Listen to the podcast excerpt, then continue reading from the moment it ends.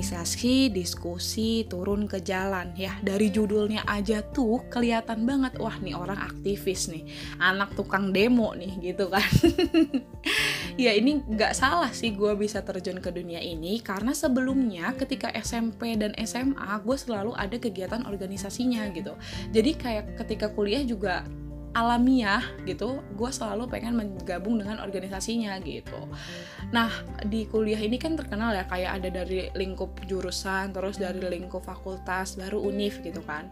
Tapi entah kenapa gue nggak tertarik dengan jurusan dan juga uh, fakultas gitu. Jadi gue mau langsung ke bem universitas gitu. Kalau di UB nyebutnya adalah EM yaitu eksekutif mahasiswa. Beruntungnya sih waktu itu gue satu kosan dengan Aski nah Aski ini adalah anak komunikasi kan seperti yang gue cerita ceritain di episode uh, kosan. Jadi Aski ini banyak nih knowledge-nya tentang organisasi dan dia ngasih info ke gue ketika ada open recruitment untuk staff harian di EM. Waktu itu gue sama Aski bingung nih mau daftar apa gitu kan akhirnya kita memilih di Kementerian Kebijakan Publik.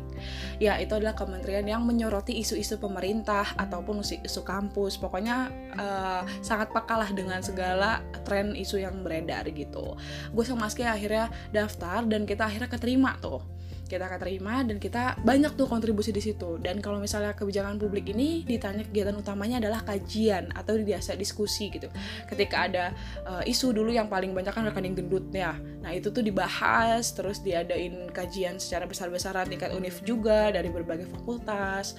Kemudian um, pemerintah kebijakannya gimana kita ikut uh, menyikapi kita turun ke jalan. Gue tuh turun ke jalan totalnya ada lima kali kayaknya. Jadi yang di kota Malang gue turun ke jalan tiga kali di Surabaya dua kali.